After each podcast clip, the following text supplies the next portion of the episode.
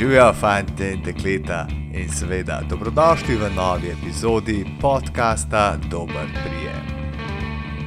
Sem Matej Kodec, vi pa poslušate najbolj ribiško oddajo v Sloveniji, v kateri bom govoril o športnem ribolovu, naravi in se pogovarjal z zanimivimi gosti od blizu in daleč. Ob začetku nove ribolovne sezone sem se pogovarjal z Juretom Osolinom. Jure Osolin je aktualni državni podprvak v muharjenju, član slovenske muharske reprezentance in vezalec muh. Prisluhnite zanimivemu pogovoru na vaši najljubši Apple, Google in Blueberry podcast platformi ali obiščite spletno stran www.dobrprijem.com. Živijo, Jure. Lep pozdrav, zdaj živijo. Dobrodošel v podkastu, dober prijem. Uh, za začetek bi te res vprašal, no, večinoma te poznajo, večinoma ne, ampak uh, da se nam malo predstaviš. Uh, prvo vprašanje za te, seveda, kdo je Jurek Osolin? Ja, hvala za prvo vprašanje, ker sem tako vedel, kakšno bo. Pa na splošno zdaj sem v tem podkastu verjeten kot muhar tekmovalec, tako da pač prvotno, kdo je Jurek Osolin, je ribič, je muhar pač eh, največ tega svojega prostega časa pač dam v samo muharjenje, um, sem vezalec muh med drugim, pa so pa tukaj še ostale stvari, ki pa samo ribolovom nimajo neke take veze. Tako da večinoma se pa pač moje življenje ribolovno vrti okoli muharjenja. Aha, super. Zdaj sem se spomnil, na no, začetek sezone sem rekel, da je bil res primeren čas, da mogoče gostim enega ki sem te spremljal zdaj le čez zimo, no, dos, kot si rekel, vezalec muh, no, si kar navezal en kup nekih muh, um, to čist priprava na novo sezono, oziroma um, kako drugače v bistvu se pripravljaš čez zimo. V bistvu, tako, da, tako. To je, to je počasi manj priprava za samo sezono, tako kot si že sam rekel. Zdaj, malo pač po zimi tudi druge stvari počnemo, ni sam ribolov, tako da je vse en več prostega časa. In temu primerno probamo pač kakšno urco več nameniti sami vezavi muh, zato da smo potem od marca, aprila, maja naprej, ko se vreme lepo naredi, ko se segreje, eh, da smo takrat lahko več časa v naravi. Deva se mal umenil si, da si muhar tekmovalec, deva se mal tvoji tekmovalni poti posvetiti, no, oziroma kakšno več reči. In res, da imaš že obrabljeno vprašanje, vendar Skoraj vsi ribiči se radi spominjamo svojih začetkov. Ne? A bi zaupal, prosim, poslušalcem podcasta, dober prijem, kako se je začela tvoja tekmovalna pot? Zdaj, moja tekmovalna pot se je začela v bistvu letos, 11. sezona, kar tekmujem. Začela se je bolj po enem čudnem na ključu ali pa po enem srečnem na ključu. Pa če sem se deset let nazaj učlanil takrat v ribiško družino Bled, za katero konc koncev tekmujem še danes takrat je bilo pač tudi neko mesto v ekipi, ki sem ga lahko avtomatsko, kljub temu, da prej nisem na nobeni tekmi bil.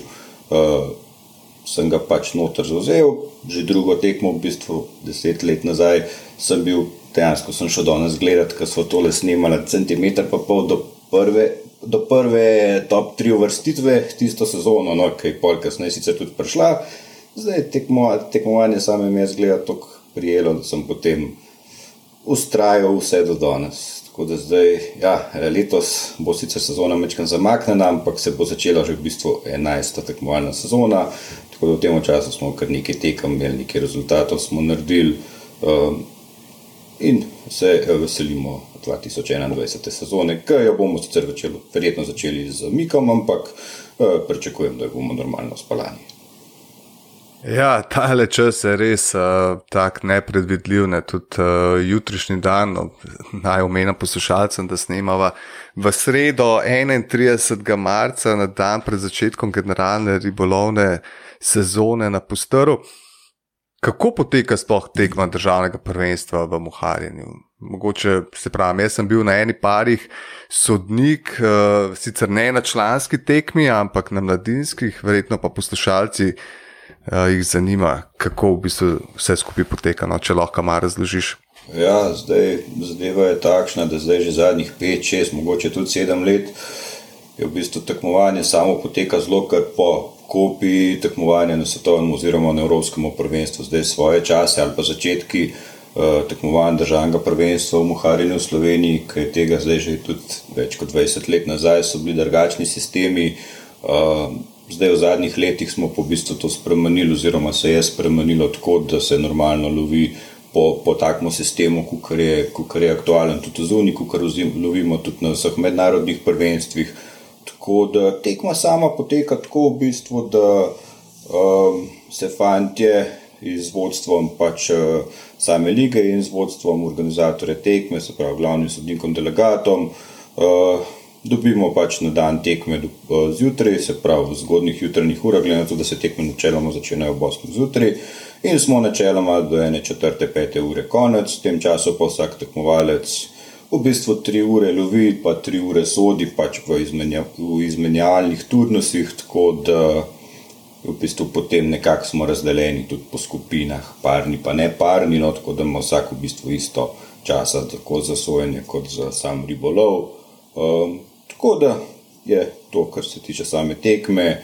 Um, je zdaj v bistvu že nekaj časa aktualen sistem, da v bistvu smo eden drugemu sodniku, kar je mogoče zanimivost. Uh, Pri nas to, to načeloma zunini ni, ker so vseeno sodniki neutralni, tako da tukaj le gre vse en precej stvari na samo, nam reko, na zaupanje, pa se skupaj še zmeraj državno prvenstvo, ampak smo vseeno si fanti med sabo, tudi kolegi, prijatelji, tako da čeprav eden drugemu kdaj sodimo, da se vse spele normalno v prijateljskem duhu. Evo. Ja, se to je najbolj važno, v bistvu, da se zadeva začne pa konča, kot se reče, v prijateljskem duhu. Uh, da mi povej, uh, koliko ekip pa sodeluje trenutno v državnem prvenstvu? Da, mislim, da je za letošnjo sezono prijavljenih 10 ekip, pa to pomeni v bistvu zdaj 41 tekmovalcev, če se ne motim. Zdaj se ta številka je zdaj že kar nekaj časa, zelo tukaj tukaj.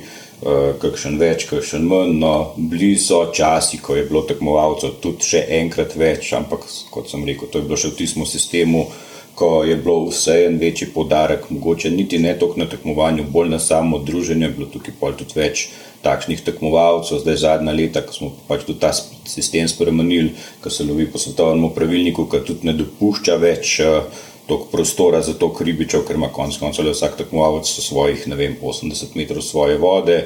In je ta številka zdaj že zadnjih pet let zelo tukaj, mečkam pod 50. Tako da je ista številka, v bistvu tudi ostala letos, še v bistvu par več proti lani, pa tudi nekako pričakujem, da bo zelo podobno ostalo za naprej. Mhm, ja, se to kar eh, nekaj ljudi, v bistvu, kar nekaj ribičev v bistvu na vodi. No, kot se reče, se potem izmenjujete, verjetno na teh sektorjih, oziroma na teh 80 metrih vode, se pravi, se izmenjujejo, se pravi, na dve ekipi. No, super, ja. um, na kakšen način pa poteka točkovanje, v bistvu, gre tukaj za število ujetih rib, gre tukaj glede Tako, na dolžino.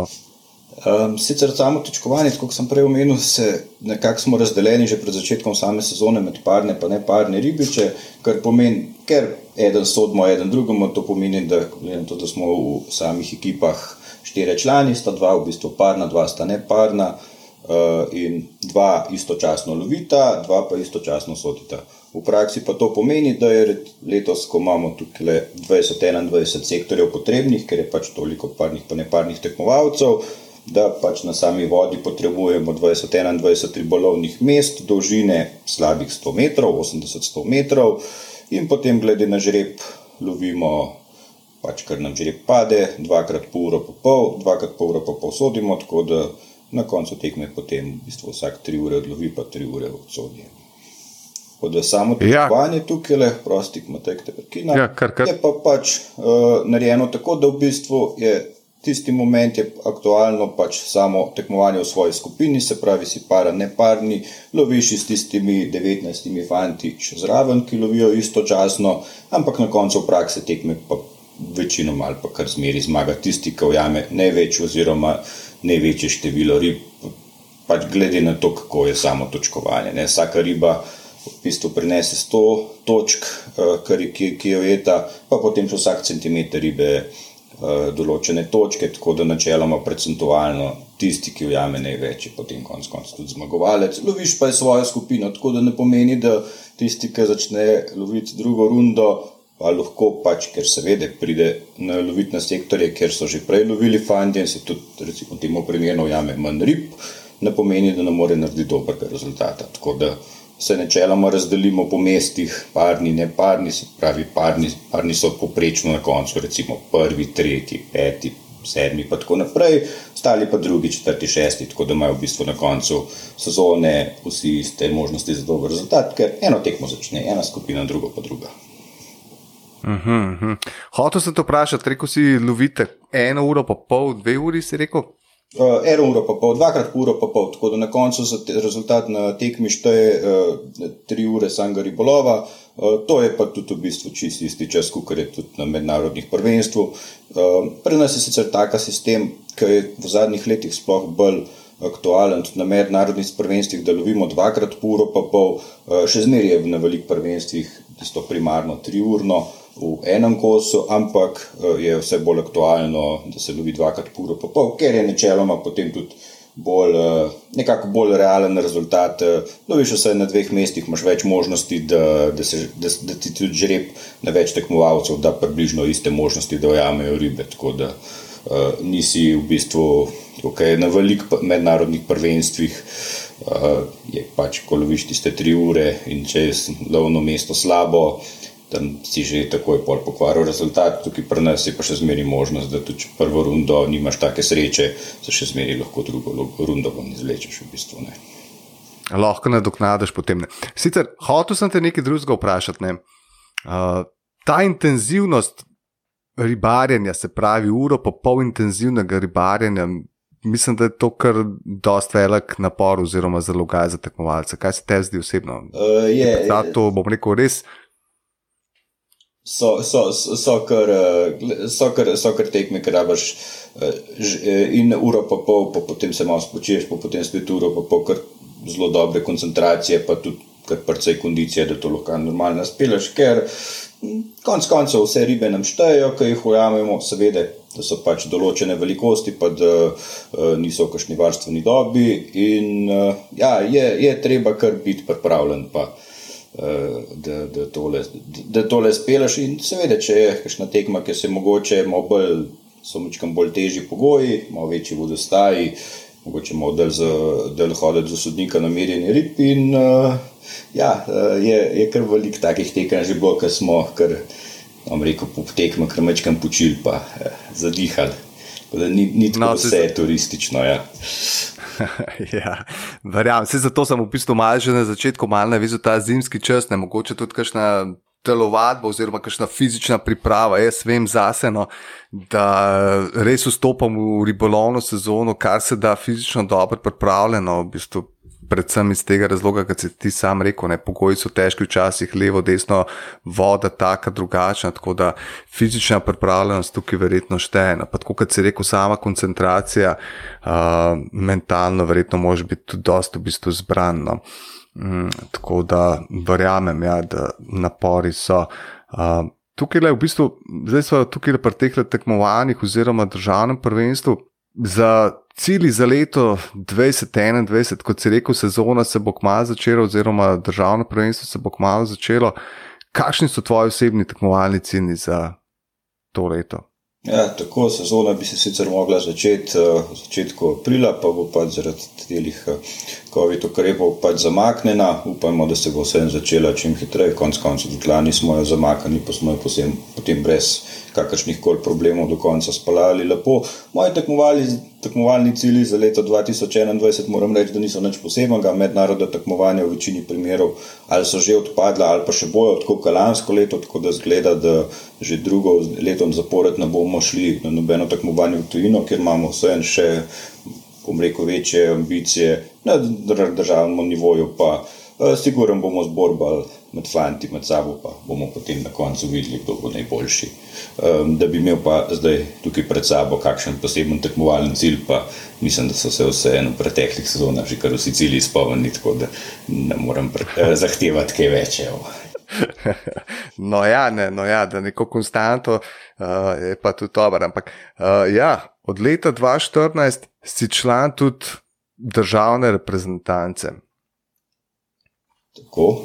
Uh, sicer jaz sem, se pravi, reprezentanca pod uh, vodstvom zdajšnjega trenerja in tekmovalca, Duša Crkvenjaša, se je koncem leta 2014 sestavljala, tako da v bistvu je zdaj situacija taka, da poleg eh, trenerja sem jaz od tiste prve prvotne reprezentance, pač to zadnjo reprezentanco, ki jo imamo, še, še v bistvu edini stalen član. No.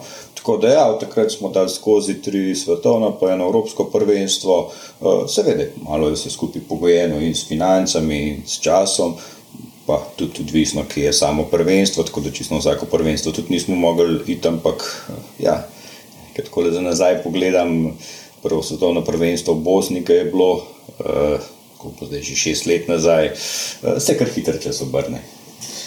Aha, ja, verjamem. Ja. 2014, 2021.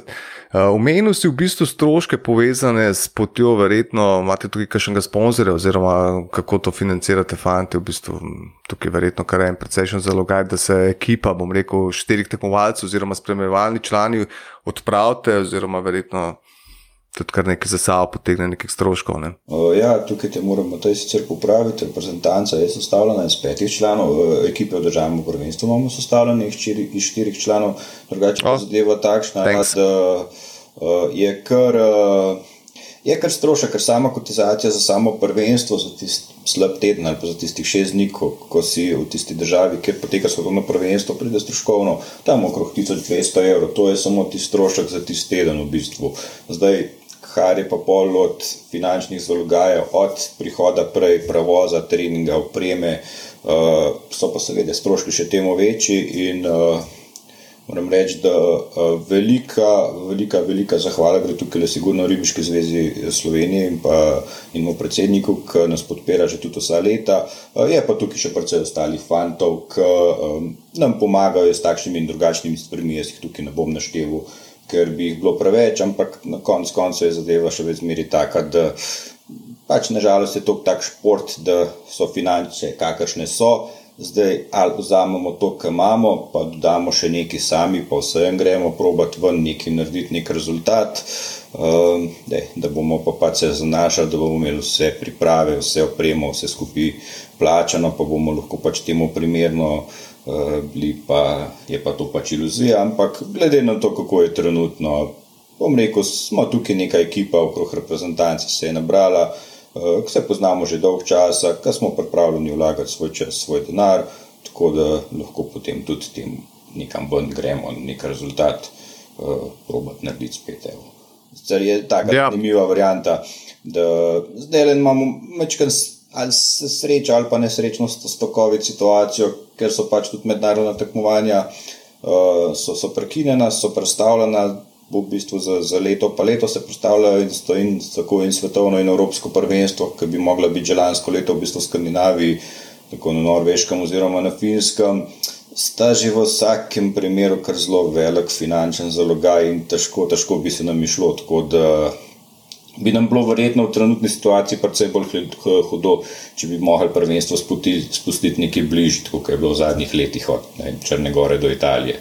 Um, tako da tole Skandinavija je pa pač uh, in pravos in vse skupaj, uh, vse en, bom rekel, zelo težko izvedljiva zadeva za, za takšno ekipo. Ja, pa če želiš še kakšen trening prej narediti, ne, naprimer Bosna, oh, Italija, oh. dosti blizu, v bistvu se usedeš v avto, se odpeleš, uh, malo pogledaš uh, reverje, malo pogledaš vodene, Skandinavija pa le, v bistvu rabaš, uh, ker, kot si rekel, zalogaj, lep zalogajček denarja oziroma časa, verjetno tudi ne. Tako, tako, tako. Uh, tukaj le, bi te še vprašal, katero, rečemo to, državno oziroma ne državno, evropsko svetovno prvenstvo ti je, rečemo, ostalo najlepšem spominom? Zdaj, tukaj le štiri, štiri svetovna evropska prvenstva smo dali čez, vsak, sigurno vsako prvenstvo nosi neke posebne spomine, od prvega pa do potem naslednjič, ampak zadnjega smo prinesli domov medaljo, tako da to pa sigurno tehta vse pretekla prvenstva, tako da tukaj le ni, ni, ni, ni, ni velik za razmišljati, Črnagora, Črnagora dve leti nazaj in drugo mesto na evropskem prvenstvu je sigurno predvsej nad vsemi. To se spomnim tistega dneva, v bistvu tiste slike, no, ki sem jo tudi opazil, to je ta ščuka iz čovna na ribniku, verjetno to. To, to, to je to, to, to je tukaj zaključeno. No, super, super, lahko malo pišeš to zgodbo, kako se je zgodil ta prijem. Ja, ta riba mi bo verjetno cel življenje eh, spremljala, uh, glede na to, da je bila ujeta v ta zadnji rundi Evropskega prvenstva in to pet minut do konca. Uh, pač, uh, malo je bilo treba upati, veliko je bilo treba sreče, riba je bila na čovnu, konc koncev rezultat zgodbe je pa tak, da moja riba je bila pač samo ena izmed mnogih, ki so jih tudi ostali štirje fanti ujeli in so pač, in je pač pripomogla k rezultatu, da smo na koncu odnesli medaljo.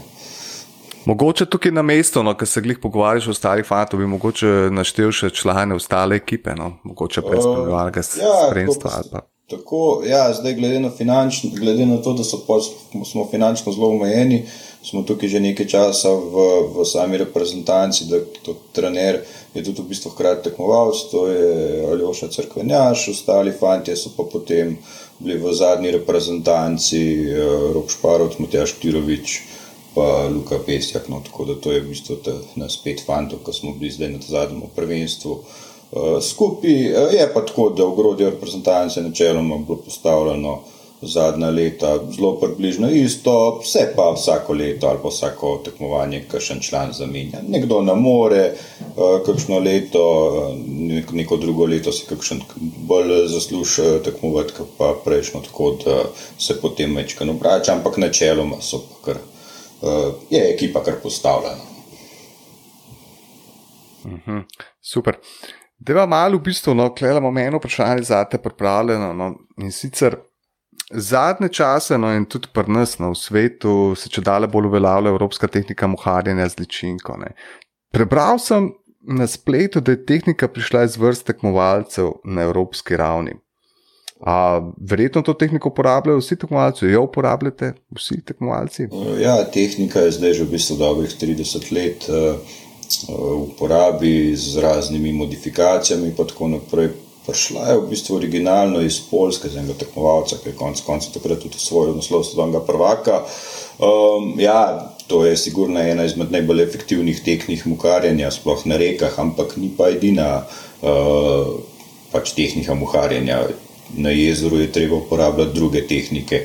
Uh, Veliko tekmovanj je odločila suha muha. Tako da uh, je pa verjetno procentualno, to sad, več ali pa bom rekel večino mednarodnih, pa tudi domačih tekmovanj, da uh, s to tehniko se mislim, da vjame kar nekaj ribno.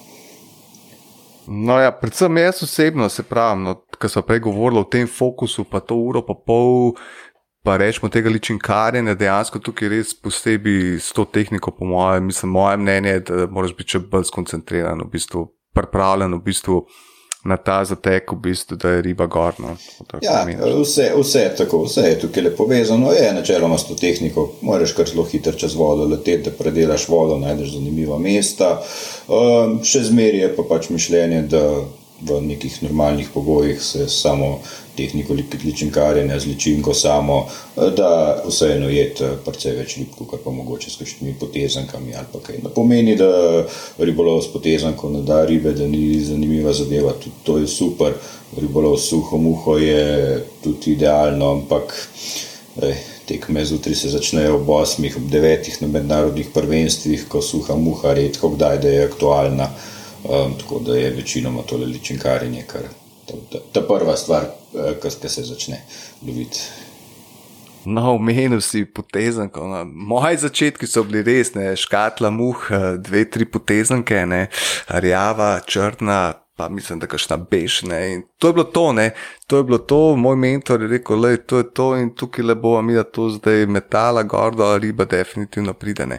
Uh, ja, je prišla, ne, ampak tako kot se je rekel, ne ličinkarje, ne le v bistvu malo bolj uspešnejša metoda. No, tako da sem tudi jaz potem uh, res dosti hitro presetlal na ličinkarjenje, oziroma tudi tebe sem ene dvakrat za vodo zapazil, so se srečala. Sva oba člana ribiške družine, bistrca domžale, mislim, da so se v kamniku ene parkrat srečala, takrat se še niso poznala, sem te res opozval, um, kako ti to manevrira z muho, s palcem, z opremo. Tako da moram reči, no, da sem kar ene par fin pobral, takrat v bistvu sem jih začel tudi sam sprobati, res, res dolg cajt nazaj. No. Tako da, hm, ko so že tukaj, v bistvu so sva so člana v RD Bistrca Domžale, povej mi, a si še član, ki je v kakšni drugi ribiški družini? Uh, ja, tako kot si rekel, uh, Bistrca Domžale je moja matična družina že v bistvu vsa leta, uh, od uh, takrat, ko sem zdaj že kar več kot 20 let nazaj, uh, še kot mladinec tudi naredil izpit. Uh, pa potem skozi vsa leta naprej, v bistvu v Domžale ostala skozi mano. No, sem pa trenutno član še v treh ostalih družinah in sicer bled, uh, tak, od takrat, ko smo začeli tekmovati, oziroma istočasno, tudi zdaj že dobrih deset let, da sem član bleda. Uh, sem pa tudi član v ribiški družini Idrija in pa ponovno tudi v Tržiču. Aha, tržiš, tržiš, kot bistrca. Povej mi, kakšne prednosti ti pa prinaša članstvo v vseh teh ribiških družinah? Uh, prednosti so sigurno take, da imaš pri sebi, za, uh, prioritetno so tole vse štiri ribiške družine, kjer je pač ta glav, ta glav, osnova tisto muharjenje. Tako da prednost je sigurno ta, da imaš karto pri sebi, vse čas, ali je to elektronska ali je to papirnata, in se v bistvu lahko v katerkoli moment odločiš, da se boš zapeljal um, v samo vodo. So pa to pač. Uh, tudi ribiške družine, nam reko, v katerih kar Balkane ne več uživam, ali pa na koncu leta pa naredim tudi največ samih ribolovnih dni. Ja, se je verjetno, ribiči bi mogli tako zbirati v bistvu samo članstvo, ne, kateri ribiški družini se boš uh, priključil, ali je to bližina doma, Ali je to rečemo izziv neke reke, ki ti jo predstavlja, oziroma ali ribnika? Ne? Tako, tako. Ne. Je pa potem seveda povezano pa s tem, e, niso, niso samo tole e, prednosti, so seveda pač več ribiških družin prenese tudi več obveznosti. Je treba več ur upraviti, e, tako da ni, ni vse samo tako. Ne. Ampak načeloma seveda, ja. vsaka družina pač je zaradi svojega razloga tle, gledam, da sem te zadnjo upisal tržiško ribiško družino, glede na to, da sem ponovno zdaj v tem okolišu doma, je pač logična zadeva, da, da, da ponovno domačo vodo, rekel, tako rekvajih, v članeš oziroma opišeš. Ne. Spodobi se pravilno, je pravijo, ne, to je slovenski pregovor. da mi povej, v zadnji epizodi podcasta, dober prijem, sem govoril, sem se razgovoril s Tomažem Modicem in sicer o ribiški etiki in etičnih pravilih. Da mi povej, si zagovornik načina ujemi slikaj spusti ali načina ujemi slikaj in vzemi? Uh, zdaj, kar se tega samega načina tiče, uh, jaz mislim, da sta lahko oba dva načina pravilna, dokler se pač lovi, kako je treba. No. Uh, Sigurno, oziroma bom bolj drugače rekel, no, se ponavadi tiste ribe, ki so v jemi, slikajo in v zemi, uh, tiste ribe ponovadi niti niso za slike. Uh, pa sem hotel to povedati, da ni več narobe, če se kdaj tudi kakšna riba vzame, dam za nekrožnik, za pečico, kako koli že. Uh, ampak seveda, pač, če ne bomo ribe spuščali, uh, bomo težko čez to pa to klet uh, imeli take lepe ribolove, kot jih imamo zdaj. Tako da sem uh, vsejen med tistimi ribiči, ki zelo, zelo redko. Uh, si privoščil kakšno ribo, da jo vzame za domov. Je pa tako, da opažam zadnja leta, da včasih smo sploh več poslikali, eh, tudi eh, je bilo, bom rekel, precej spominov za nazaj, tako le v albumu, ki jih kdaj gledam. Eh, zdaj zadnja leta pa, pa, pa večinoma ti spomini bolj, bolj v glavi pol živijo. No, tako da, evo. Ja, se strinjam se v bistvu tudi s Tomažem, oziroma z vsemi, ki se pogovarjam. Se strinjamo, dokler pravila dopuščajo, da ribo lahko vzameš, se pravi, po pravilih je to vse tako, kot mora biti. No. Ali na prostorih, kjer v bistvu so ribe za potrnk, uh, z namenom v bistvu vložene, rečemo, v kakšen sektor reke ali uh, ribnika. Uh, nova sezona ribolova postrvi se bo začela jutri, oziroma če rečemo danes, ko bo ta epizoda objavljena 1. aprila. Uh, vem, da zna biti obdobje pred začetkom nove sezone za marsikaterega ribiča, še posebej za tiste, ki ne ribarijo surca, kar naporno nam. To so v tej zimi sva že dosti govorila, uh, tudi fizične priprave in vse. Um, In predvsem mislim, da mogoče čez zimo že kakšen plan narediš, kje boš sezono odprl, oziroma kako se odločiš, na kateri vodi, se pravi, član si treh, štirih ribiških družin, kje boš sezono odprl. Da, če ti po pravici povem, da te še zmeri ne vem. Uh, Včasih smo se vseeno odločili, precej več naprej smo imeli te plane, zdaj pač po vseh teh letih pa se en malo bolj go with the flow, ali kako se že reče, kako čas prenese, kakšno je vreme, tudi ne tišimo za vsak način za vodo. Tako da sigurno zdaj z aprilom so se odprli še, še neki ostali reveri, ki so bili marca že zaprti, sicer imamo zdaj letele omejitve, spet jim bojo pač samo prehajanje med regijami, bo mečkano nemogočeno, oziroma bo se, bomo se mogli svojih regij držati. Ampak verjetno bo, ker je tržiška bistrca moj prvi ribolov, da bi se pa to zdaj odločil, kdaj pa kako pa bom to uspel, pa, pa pri meni ni. Je pa to iz danes na jutr, mrz zdaj, isti dan, če se odločim, da bom šel ali pa da bom probo najti kakšno urco za vodo, vržem noter škorne palco, pa potem po predslužbo, kako se pač obrne čas, eh, vidimo, a se zide, pogledamo vodostaje, vreme, pa se potem zapeljemo. To je pač prednost, če imamo pa vse več dovolilnic, smo odvisni v bistvu samo od samega sebe, pogledamo, kam gremo, pa pišemo datum, pa lovimo. Jo. No, ker je podcast dober prijem, podcast o športnem ribolovu. Sem zapazil na Facebooku, zdaj le ene parke, že, da, sem, da si lovil na ribniku, no, da ne bova samo o muharjenju govorila. Pa me zanima, da jim malo več povej o tem. No. Pa, krapolov. Uh, uh, tudi krapolov, zakaj pa ne? Uh, Pri meni je zadeva takšna, no, da se je, bom rekel, kar večino mojega ribiškega življenja se je vse vrtelo okrog muhe, okrog muharskih tekmovanj, sigurno je pač pred tremi leti, uh, ko sem uh, osvojil tudi posamezen naslov, se je malo, bom rekel, mečkam sprostil, vse ostalo, pa se je malo kamen odvalil, srca, če tako rečem. Tako da sem pol po tistem precej ostalih uh, tehnik tudi sprobo, kot to pomeni. Od uh, krapolova, ki si ga sam že omenil, ki mi predstavlja tudi dobro sprostitev, do ribolova, uh, sulca, do ribolova na morju, tako da teh variant je kar neki. No. Osnova je še zmeri tisto sam ribolov. Uh, ne pomeni pa, da je tudi sam ribolov vse čas samo z muho. To pomeni, da se tudi z ostalimi stvarmi da, da lep, lepe dneve preživeti. Ja, tudi jaz v bistvu imam. Krapolov, ja, to je, se pravi, nekje naprej vidim, bom rekel, da se bom mogoče spustil tudi to, no, sicer ne vem, koliko resno, koliko mi bo čas dopuščal. Ampak da se malo vrnem spet na muharjenje, no, oziroma katere izmed slovenskih muharskih rek ti je najbolj pri srcu? Kje najraje loviš, oziroma kam greš najraje muhariti? Zakaj? Bom, bom, bom, bom, bom, bom kar eh, povedal, tako kot sem že nekoč enkrat za en intervju porekel, bil sem tle le par rek izpostavil, zdaj sigurno mi pač neko posebno mesto v srcu igra kamniška bistrca, glede na to, da je to moja domača voda. Um, je pa resno, da verjetno tukaj le med vsemi rekami, čeprav mrskera prinaša svoje izzive, požitke, ampak še zmeraj mislim, da čez samo Idrico ga ni, tako da zato smo tudi člani v ribiški družini Idrija in uh, je, je, je nek poseben ribolov uh, tam, kaj, kaj, kaj se lovi, kako se lahko lovi, kaj vse se ujame. Uh, sam ambient je nekaj posebenega, tako da uh, verjetno bi na prvo mesto, kar si ga na Idrico postavil.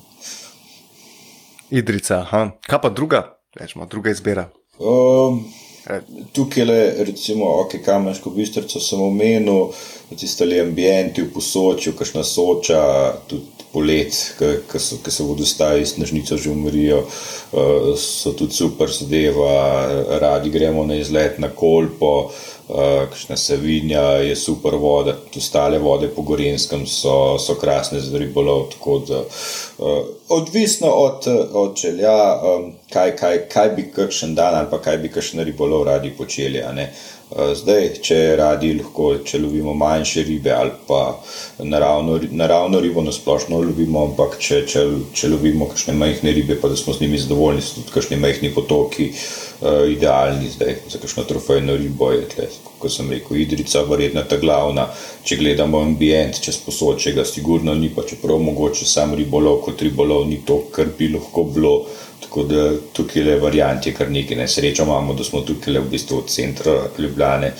Uh, Dobri uri, uri pa pol, v bistvu na kjeri koli vodi v Sloveniji, tako da je to res en tak velik privilegij, ki ga imamo, se ga mogoče niti ne zavedamo. Ne. Lahko lovimo krasne ribolove v, v, v istem dnevu, v istem tednu, v na razmaku uh, tako čiste blisne.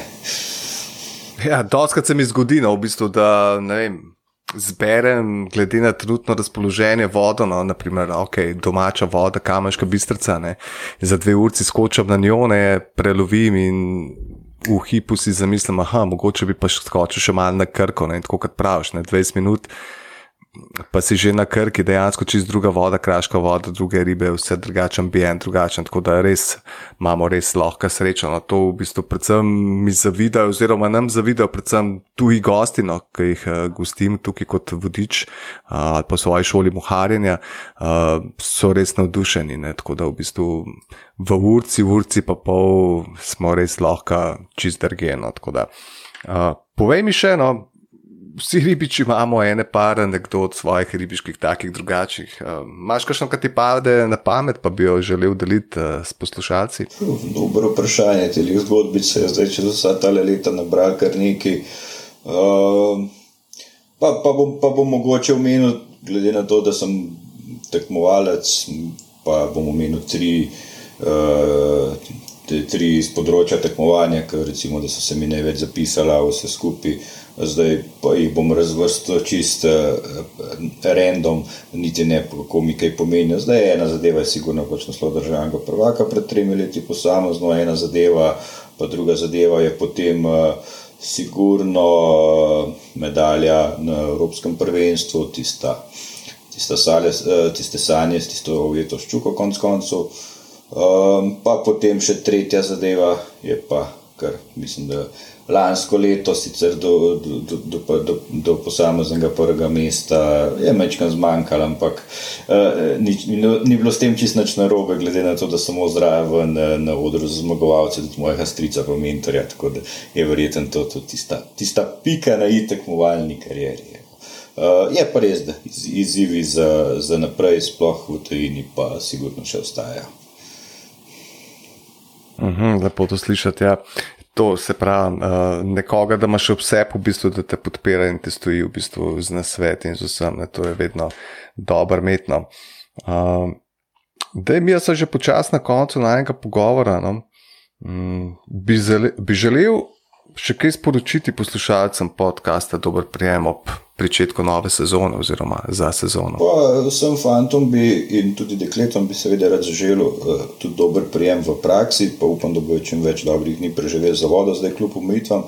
Uh, Drugač mi je pa všeč tale nov podcast. No, nekaj novega na slovenskem prostoru, tako da zelo pozitivne vtise. Pa upam, da se bo ta zadeva lepo prijela naprej, pa da bomo lepo poslušali tudi če nove oddaje. Tako da, uh, Matej, hvala tebi, da si povabilo uh, v, v podcast, pa upam, da je bilo kaj pametnega zapovedati. Jaz moram reči hvala tebi, v bistvu, da sem te lahko gostil, da sva spregovorila par besed. Uh, res uh, to, kar si povedal, mi zelo veliko pomeni. Tudi jaz upam, da se bo zadeva prijela in seveda poslušalce vabim k poslušanju in seveda, zakaj pa ne, današnji gost Jure Osulin. Um, hvala ti, Jure, za tale pogovor. Pa se slišiva. Ne? Tako, hvala tebi, imate še enkrat in seveda se slišimo in dober prijem. Dober prijem. Takole sva z Juretom sklenila najmen pogovor. In da ne pozabim, če ste uživali v poslušanju podcasta Dober prijem, prosim, napišite kratko mnenje. Vzelo vam bo manj kot 60 sekund, vendar bo naredilo razliko. Lepo se imejte, obilo užitkov za vodo in ne pozabite, čuvajte naravo.